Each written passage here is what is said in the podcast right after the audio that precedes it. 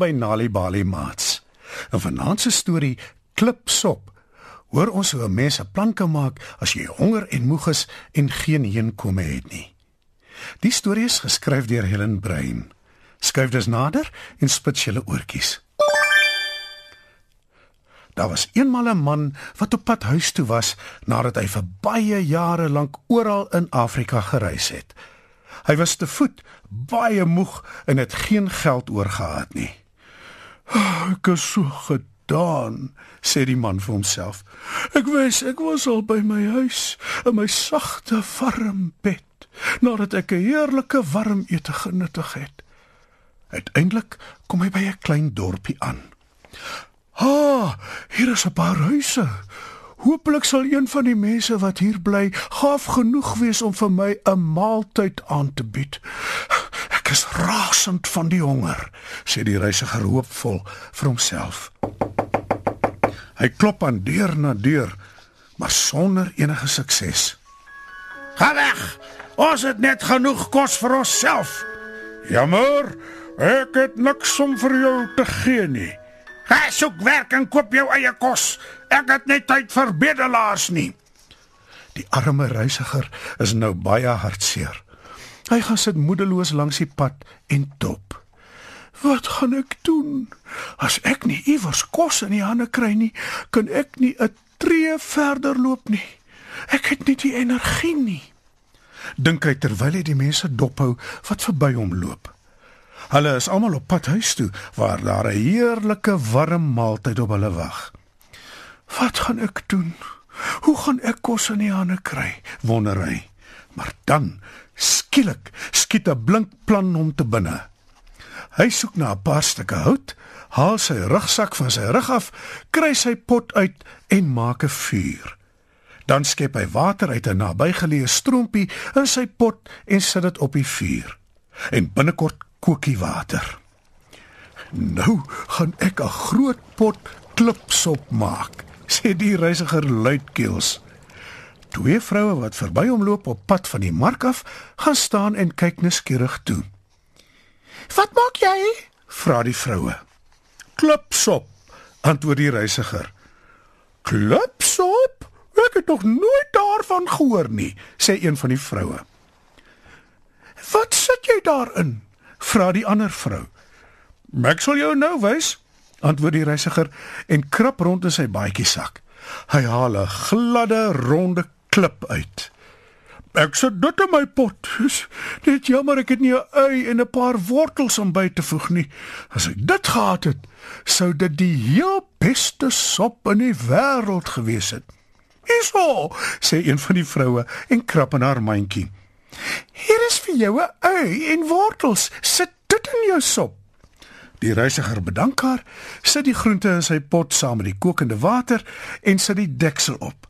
Die twee vroue hou hom die hele tyd dop.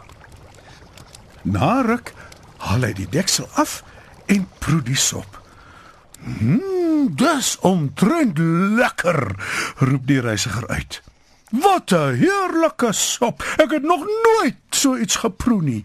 Nie eers in Malawi nie. En daar, dit kan ek julle verseker, maak hulle die heel beste sop in Afrika. Hm, kan ek asseblief daarvan proe? vra een van die vroue. Haar vriendin stoot haar ongeduldig uit die pad uit en sê: "Ek wil eers te proe." Die reisiger paai haal twee bekers uit sy rugsak en skep vir beide die vroue van die sop op. Toe hulle dit proe, is hulle gaande daaroor. Dis voorvaar voortreffelik. Jy is die beste kok wat ek nog ooit ontmoet het, sê een van die vroue. Ek is nuuskierig. Wat het jy nog in die sop gesit? vra die ander vrou. Ek kan ongelukkig nie die resep met jou deel nie. Dis 'n familiegeheim, sê die reisiger. Toe sien hy 'n jong seun wat 'n mandjie vol spinasie dra. Die seun kom in sy rigting gestap. Hy wag totdat die seun naby hom is. Toe vat hy sy lepel en hy proe aan sy sop en lewer luidkeels kommentaar. "Oh, wat 'n heerlike sop!" Hy sê dit doelbewus hard genoeg sodat die seun hom duidelik kan hoor. Nog nooit in my ganse lewe het ek iets so heerlik gebroei nie en ek was al oral in Afrika, veral Malawi is bekend vir hulle uitstaande sop. Maar nee, nie eers daar het ek so iets geproe nie. Al wat dit kort is 'n bos spinasie. Die jong seun gaan staan. Ek sal vir jou spinasie gee, sê die jong seun. As jy my van jou sop laat proe. Nou, dis reg so, sê die reisiger. Die seun gee vir hom van sy spinasie en die reisiger voeg dit by al die ander bestanddele in sy pot. Hy wag 'n paar minute en skep dan vir die seun van die sop in 'n beker. "En toe, hoe smaak dit, hè?" "Proe jy my geheime bestanddeel? Lekker, nee," sê die reisiger. "Heerlik. Ek gaan almal hiervan vertel." En sommer gou is daar 'n lang ry inwoners van die dorpie wat die reisiger se sop wil proe. Maar voordat hy vir hulle 'n beker sop aanbied, vra hy hulle om iets tot die sop by te voeg.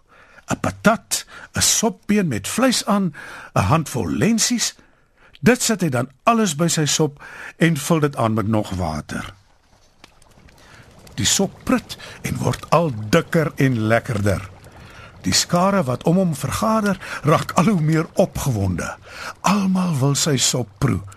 En hoe meer bestanddele die reisiger byvoeg, hoe meer uitsonderlik word die sop. En hoe langer hou dit? Teen die tyd dat dit antwoord, het elke liewe inwoner van die reisiger se sop geproe en is die pot leeg. Almal glimlag gelukkig. Die man is 'n baaskok. Hy moes in Malawi geleer kook het by 'n baie spesiale plek, sê die mense vir mekaar. Dit was voorwaar die heel beste sop wat ek nog ooit geproe het, sê die burgemeester.